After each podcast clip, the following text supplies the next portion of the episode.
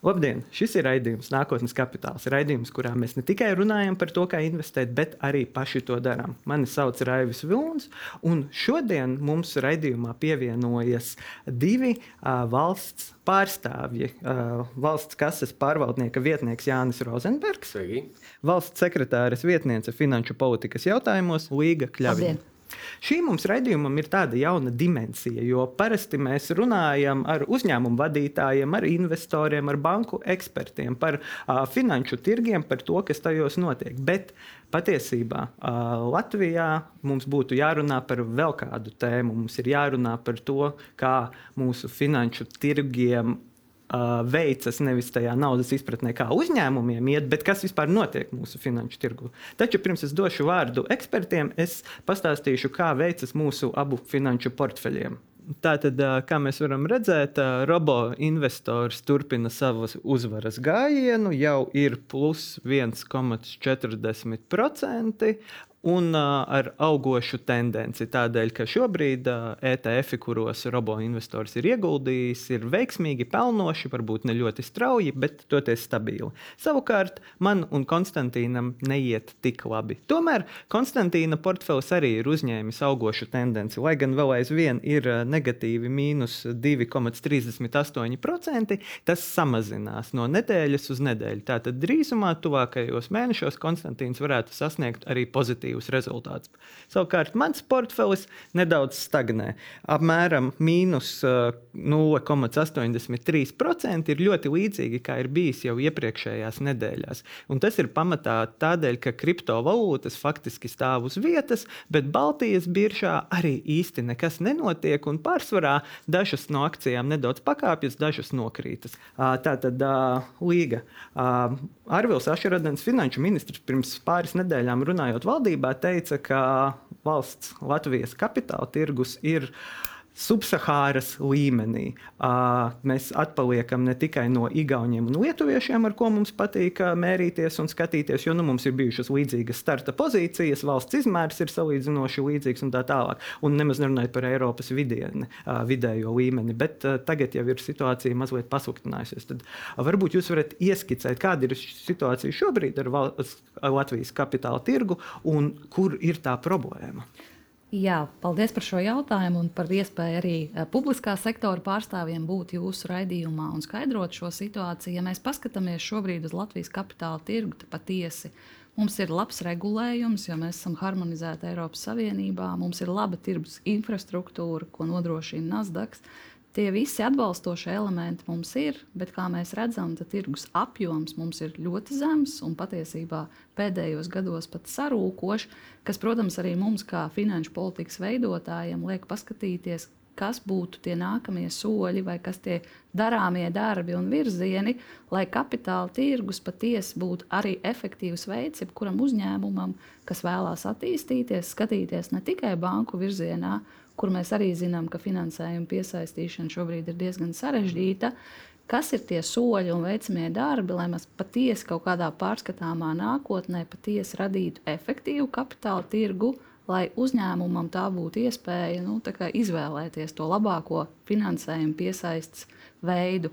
Otrs, mēs arī daudz esam pēdējā laikā dzirdējuši par to, ka ir viena sabiedrības daļa, ne tikai privāta personas, bet arī uh, institucionālajie investori, kam ir diezgan lieli šie finanšu līdzekļu uzkrājumi, un kurā uh, kā radīt šīm personām arī dzen iespēju ieguldīt Latvijā.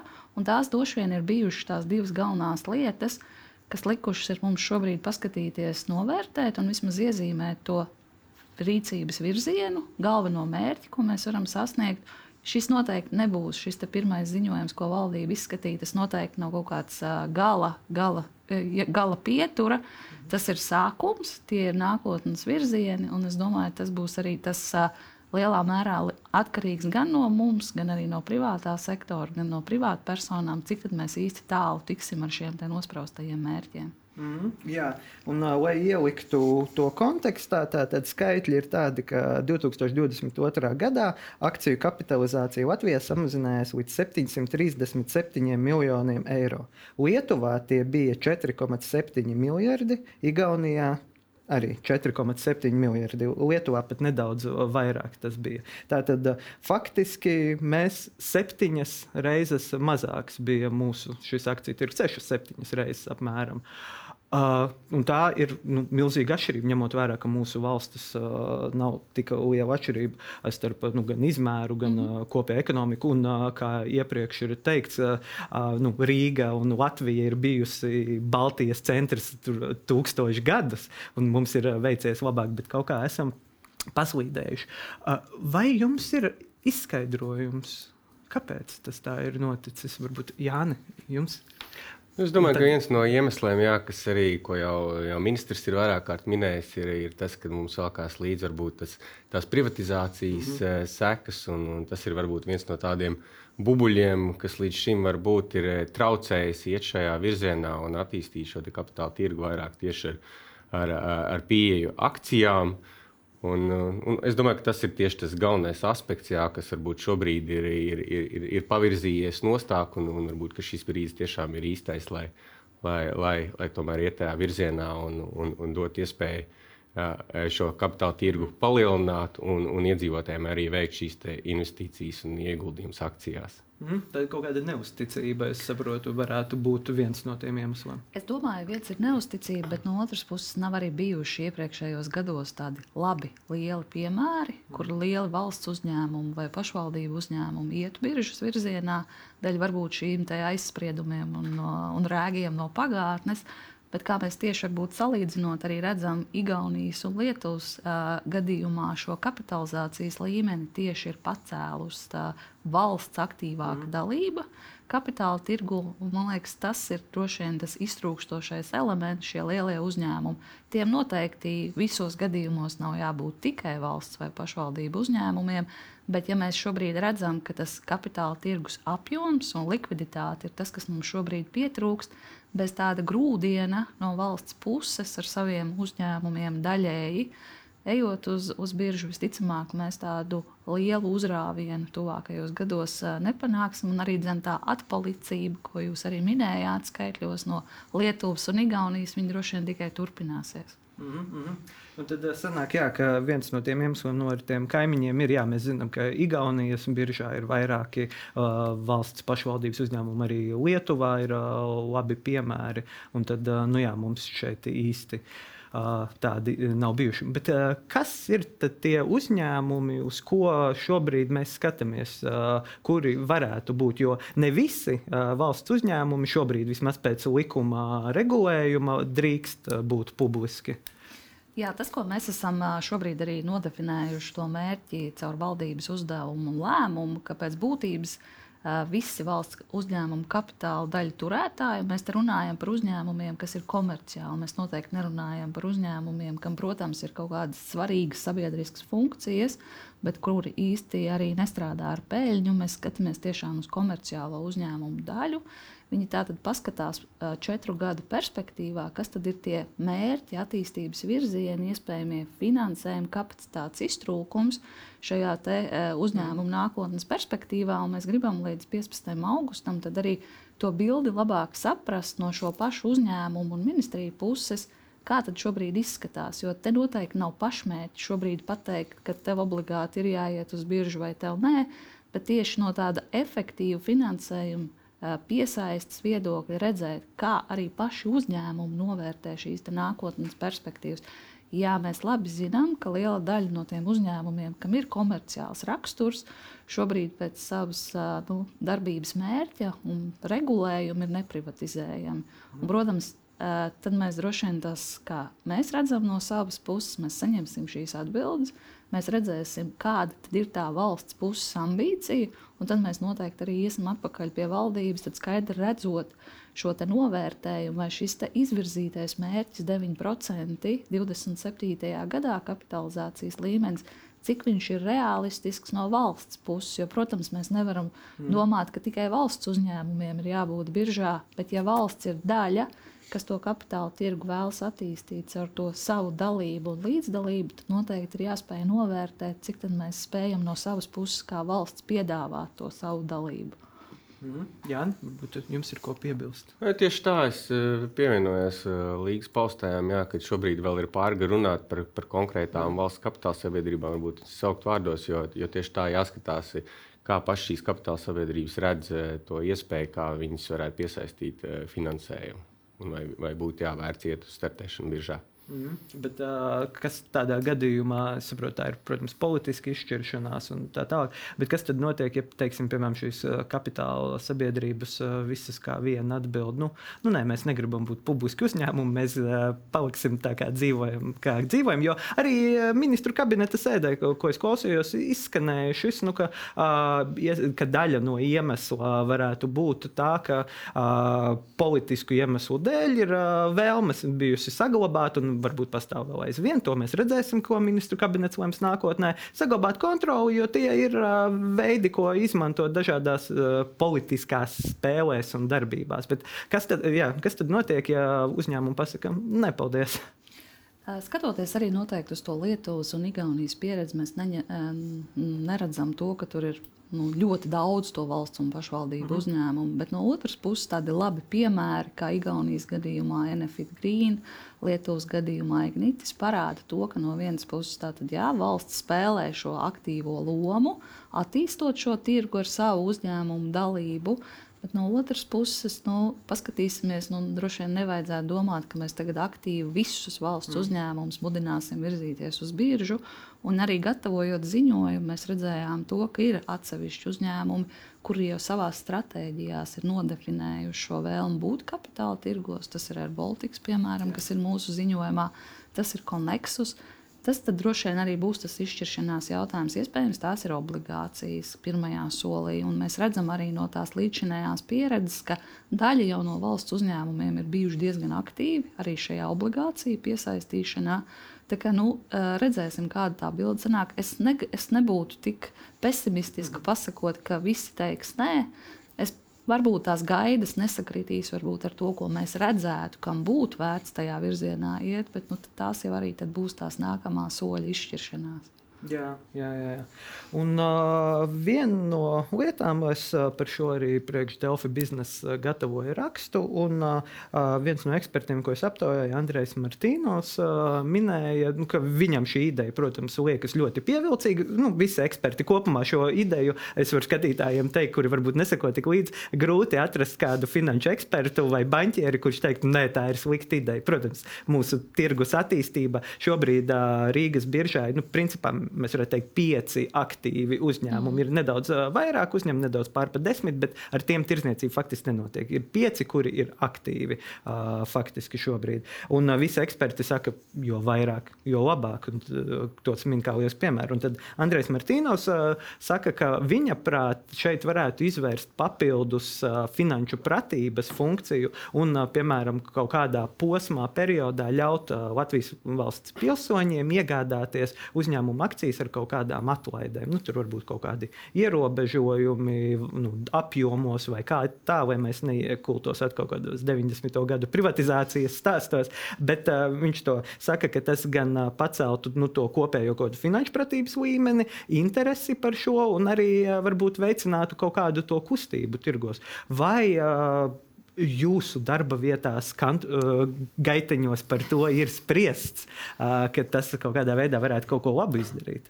Es domāju, ka tik tālu, cik tālu mūsu gaiteņos šobrīd par to mēs esam domājuši, arī skatoties uz mūsu kaimiņu līdzinējo pieredzi, mm. protams, arī Enefit Green gadījums pierāda, ka 60 tūkstoši no investoriem ir privāti investori, kas pēc būtības ir privāti personas. Mm. Un to mēs noteikti no savas puses atbalstītu viennozīmīgi kā virzienu, ka šīs ieguldījuma iespējas privātpersonām ir jādod.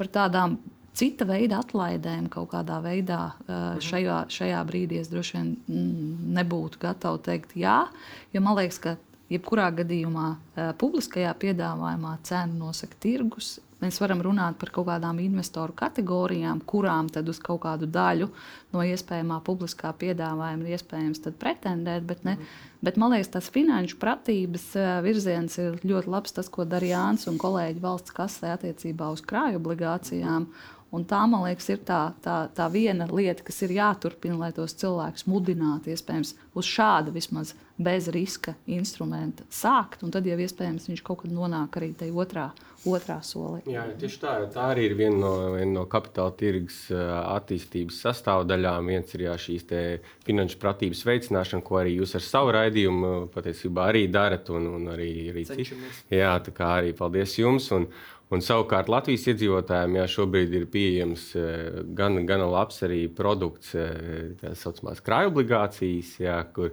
kur šobrīd tas pieprasījums eh, būtiski aug, un, un, un ar katru dienu šis pieprasījums pēc krājuma obligācijām ir vidēji. Dienā krājobligācijās Latvijas iedzīvotāji iegulda ap 1 miljonu līdz pusotram miljonam eiro. Šobrīd tas, tas apjoms jau ir, jau ir gana solīts. Nu, protams, ka to to, to visu pieprasījumu lielā mērā ietekmē procentu likuma pieaugums, šī mm. Eiropas centrālās bankas cīņa ar, ar inflāciju, kamdēļ arī valsts aizņemšanās likmes aug. Un, attiecīgi, tas atspoguļojās krājobligāciju likmēs, un, un krājobligācijas šobrīd ir trīs, trīs termiņi pieejami.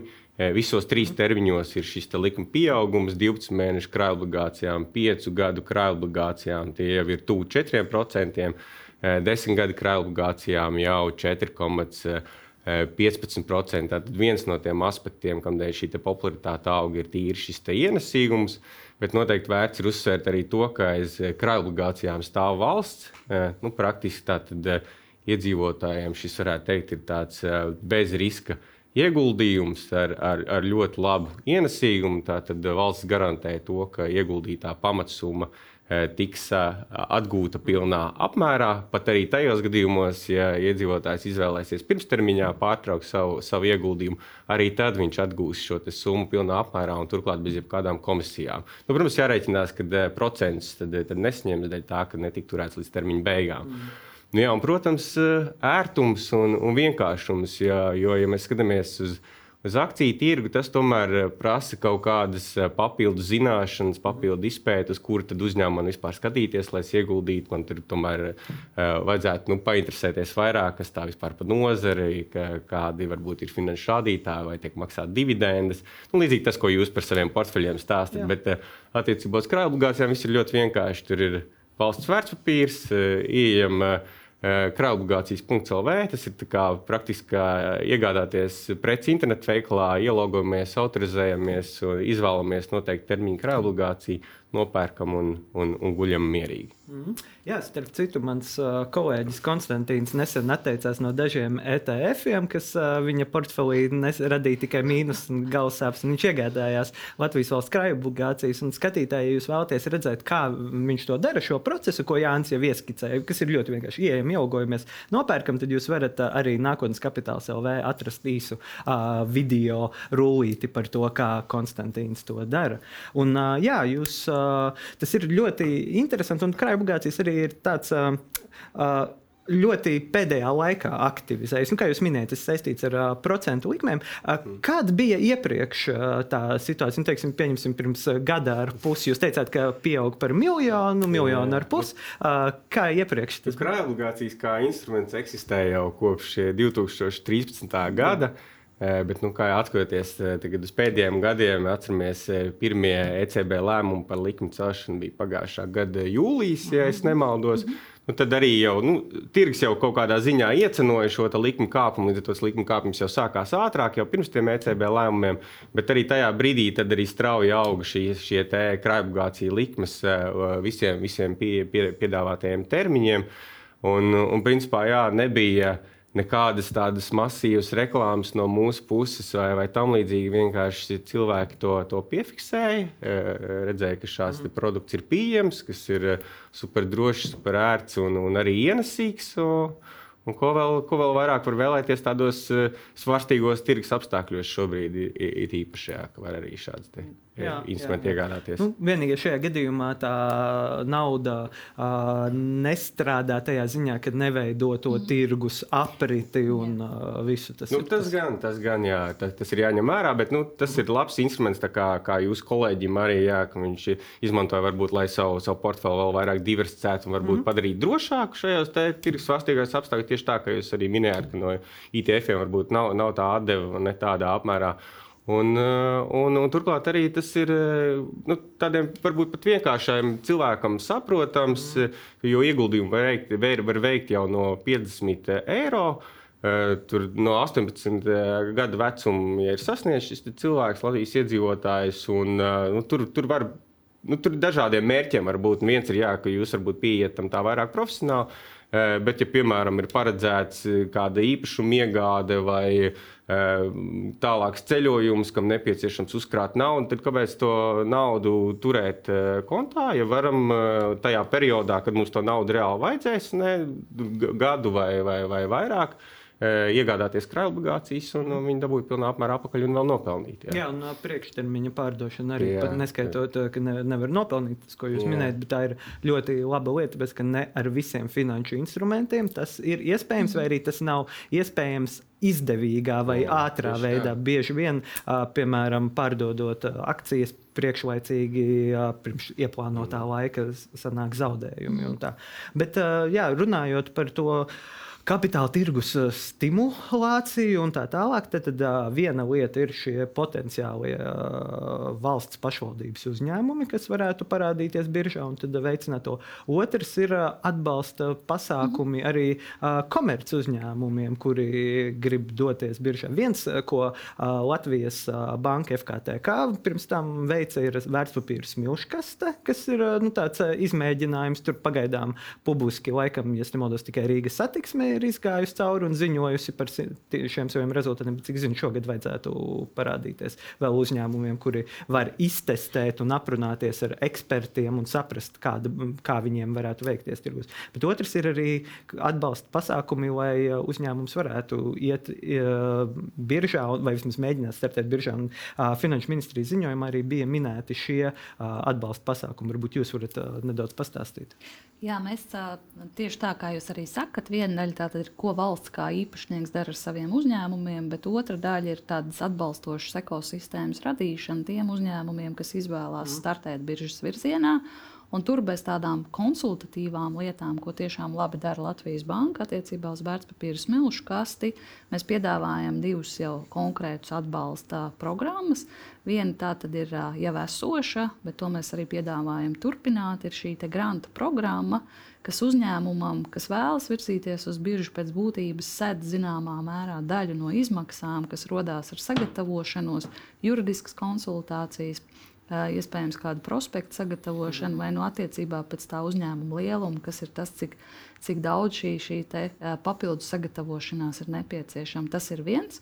Un otrs, tā ir pilnīgi jauna iniciatīva. Tā būs šī tā saucamā IPO fonda izveidošana.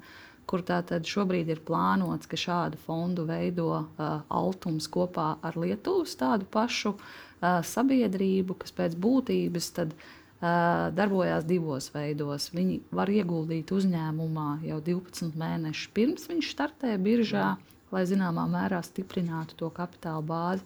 Vai šis fonds attiecīgi iegulda sākotnējā piedāvājumā, kā ankura investors, Tādēļ dodot kā, drošības sajūtu arī citiem investoriem, ka šī sākotnējais publiskais piedāvājums ir tiešām tas, kur arī droši vien es vēlos ieguldīt. Tā ir jauna iniciatīva. Mēs ilgāku laiku esam strādājuši kopā ar lietuviešu kolēģiem, altumu kolēģiem. Mm. Un, nu, ceram, ka tas varētu būt vēl viens tāds apliecinājums, ka arī privāto uzņēmumu gadījumā šī te, uh, sākotnējā publiskā piedāvājuma gadījuma varētu būt vairāk turpmākajos gados. Mēs redzam ļoti labus uh, obligāciju emisiju gadījumus iepriekšējos gados.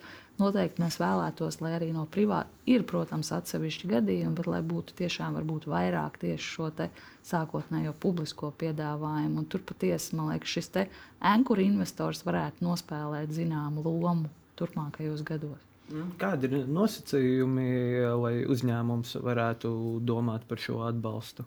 Eh, protams, pirmkārt ir atkarīgs vai pats uzņēmums jau ir tajā ceļā uz biržu. Un tad, protams, būs šie programmas elementi, kādi ir tie nosacījumi, ja uzņēmums izvēlās, lai šis ieguldījums ir te pirms sākotnējā publiskā piedāvājuma fāzē, vai nu tad attiecīgi tas jau tajā brīdī, kad uzņēmums startē biržā un šis fonds ir viens, viens no ieguldītājiem.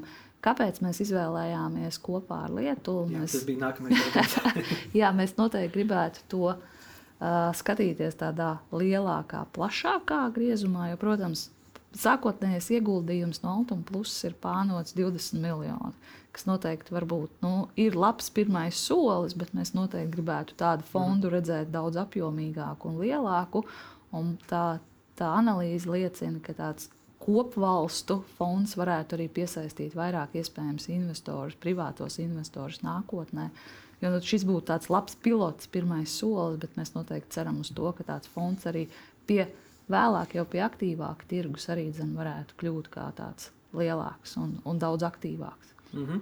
uh, nepat, nepatriotiski nepajautāt, būtu, uh, kā, vai ir kaut kāds nu, nosacījums, kā tas ir kopsadarbības fonds, vai tur jebkurš Baltijas uzņēmums var startēt, vai tieši Latvijas, uh, Lietuvas uzņēmumi var pieteikties un prasīt, vai ir kaut kāds sadalījums, uh, nu, teiksim, vai, piemēram, nevarētu izveidot situāciju tādu, ka, piemēram, lietuvieši, kā mēs redzam, aktīvāki kapitāla tirgus dalībnieki uh, nos, nosmelti, nav varbūt tas labākais labākais vārds, bet vienkārši izmantotu visu paredzētu atbalstu, jo viņu uzņēmumi varbūt ir aktīvāki, varbūt jau ir gatavāki vai kādi ir tie. Ja tā, tas pamatnosacījums, ko mēs jau šajā fāzē redzam, ir tas, ka tiem, tam sākotnējā ieguldījuma apjomam no Altuma, kas ir 20 miljoni, tad būtu noteikti jāatgriežas mūsu Latvijas uzņēmumos šeit. Mm. Protams, ja mums izdodas šim fondam piesaistīt lielāku apjomu, tad tas būtu tikai ieguvums droši vien gan Lietuvas kolēģiem, gan arī Latvijas uzņēmumiem, bet nu, vismaz pamat ieguldījumu mēs vēlamies atpakaļ savos uzņēmumos. Tā otra diskusija ir par to, kurā valstī šis fonds tiktu dibināts un kādā veidā, pieņemsim, ja viņš tiktu dibināts Lietuvā, cik viņi labi pārzinātu Latvijas uzņēmumu specifiku, vēlmes. Līdz ar to arī tur mēs šobrīd esam vienojušies, nu, vismaz šobrīd principu līmenī jau sākotnēji, mm. ka at, neatkarīgi vai šis fonds tiktu dibināts Latvijā vai Lietuvā, otrā valstī ir jābūt nu, kā, vadošajiem pārvaldniekiem, kas labi pārzina to vietējo situāciju un vietējos uzņēmumus, lai izvairītos no tā, ko jūs arī minējāt, ka visa fonda apjoms, piemēram, aiziet uz uz Lietuvu. Mēs gribam to līdzsvaru, un šeit tiešām vairāk tas, tas kopdarbs ir tāpēc, lai tas būtu lielāks, un līdz ar to iespēja arī piesaistīt varbūt vairāk citus privātus investorus jau šai fonda līmenī. Mm -hmm. Jā, jūs redzat kaut kādu papildus, papildus aspektu, ko Līga nepieminēja? Nē, tieši tā kā Līga teica, jā, nu, protams, tas patriotiskais faktors arī ir svarīgs, bet nu, skaidrs, ka mēs kā Baltijas tirgus vispār nav, nav, nav ļoti liels, un, un tāpēc nav arī pamats tā. Tā, tā galīgi skatīties, atraut no, no Lietuvas un Igaunijas. Nē, nu mēs vienkārši teicām, ka mēs esam pastarījuši, kā šie visi dati, ko, kas bija sagatavoti un prezentēti, rāda. Tad nu, mums vajag atbalstīt mūsu uzņēmumus. Bet sakiet, Uh, tas jautājums jums abiem ir par to, kopējo uh, noskaņojumu tieši nu, no privātajiem uzņēmumiem, tāpēc ka uh, es runāju arī ar uh, Luminoru bankas uh, ekspertu Pēteri Strautiņu, kurš uh, arī apsveica ideju, ka valsts uzņēmumu virzīšanu, arī atbalstu un tā tālāk, bet viņš minēja, ka tie varētu nebūt vienīgie faktori, kas uh, aizkavē mūsu vietējos uzņēmumus. Uh, varbūt tur ir uh, sliktā vēsturiskā pieredze, ko, kas jau tika minēta, varbūt tur ir kaut kādas. Ba bažas par atklātību, jo, kā mēs zinām, biržas uzņēmumiem uh, ir prasības augstākas dažos aspektos nekā tas ir uzņēmumam, kuram ir varbūt viens vai divi īpašnieki, un tā tālāk ir jābūt lielākai atklātībai. Viņš teica, ka ar šo varētu kopumā nebūt pietiekami, lai kliedētu tos citus šķēršļus, kas varbūt vēsturiski ir veidojušies. Kā jums šķiet, vai, vai redzat kaut ko, ko papildus varbūt vēl vajadzētu darīt no valsts puses vai uh, sociālās kampaņas, piemēram, e-biržā vai kaut ko tādu. Jā. Nu jā, mēs, mēs jau runājam par, par iedzīvotāju finanšu pratību, bet to pašu jau var attiecināt uz, uz šīm kapitāla sabiedrībām, ka tur arī mums ir jāveicina šī te, e, finanšu pratība un, un arī jāskaidro un jāstāsta, kāda ir ieguvuma no tā, ka ja viņi iet ar šo publisko piedāvājumu. Un, un tas ir tas, ko, ko Līga arī minēja, kad uh, ir, ir dažāda veida atbalsta pasākumu padomā, lai tieši to uh, veicinātu šo izvēli par labu uh, akciju publiskajam piedāvājumam. Mm. Jā, to, ko es arī vēlos uzsvērt, noteikti tā valsts dalība nav. Tas varētu būt grūdienis šī kapitāla mm. tirgus attīstībai, bet man liekas, ka tur liela un tikpat būtiska daļa būtu attiecināma zināmā mērā uz privātu uzņēmumu tādu uzvedības modeļu maiņu. Jo pareizi jau jūs sakat, došanās biržā tā ir cita atklātība, tas ir citas prasības, tur būs vairāk ziņošanas par, par būtiskiem notikumiem uzņēmumos. Un tas ir tāds papildus, dažiem droši vien varētu arī šķist kā apgrūtinājums, papildus, protams, tiem ieguvumiem, ko neapšaubām tā dalība biržā dod. Un tā, protams, ir zināma izšķiršanās, vai uzņēmums vēlās palikt slēgts. Iespējams, viņam joprojām ir iespēja finansēt savu attīstību, aizņemoties bankā, kas, protams, arī uzliek zināmu tādu pārvaldības standartu, bet varbūt ne vēl tik augstu, kā, Jā. to, kā to prasa dalība biržā. Un tur man liekas, ka vissarežģītākais būtu panākt tieši šo uzvedības maiņu. Jo mēs varam daudz ko darīt ar normatīviem aktiem, un man liekas, tā joma ir zināmā mērā jau sakārtota. Arī šī biržas infrastruktūra, bet tiešām tā uzvedības maiņa, tā vēlme. Jo tas noteikti nav arī vienkāršs un lēts process, līdz biržai nonākt. Tur tiešām uzņēmumam arī no savas puses diez, ir diezgan jāieguldās, lai mēs tik tālu tiktu.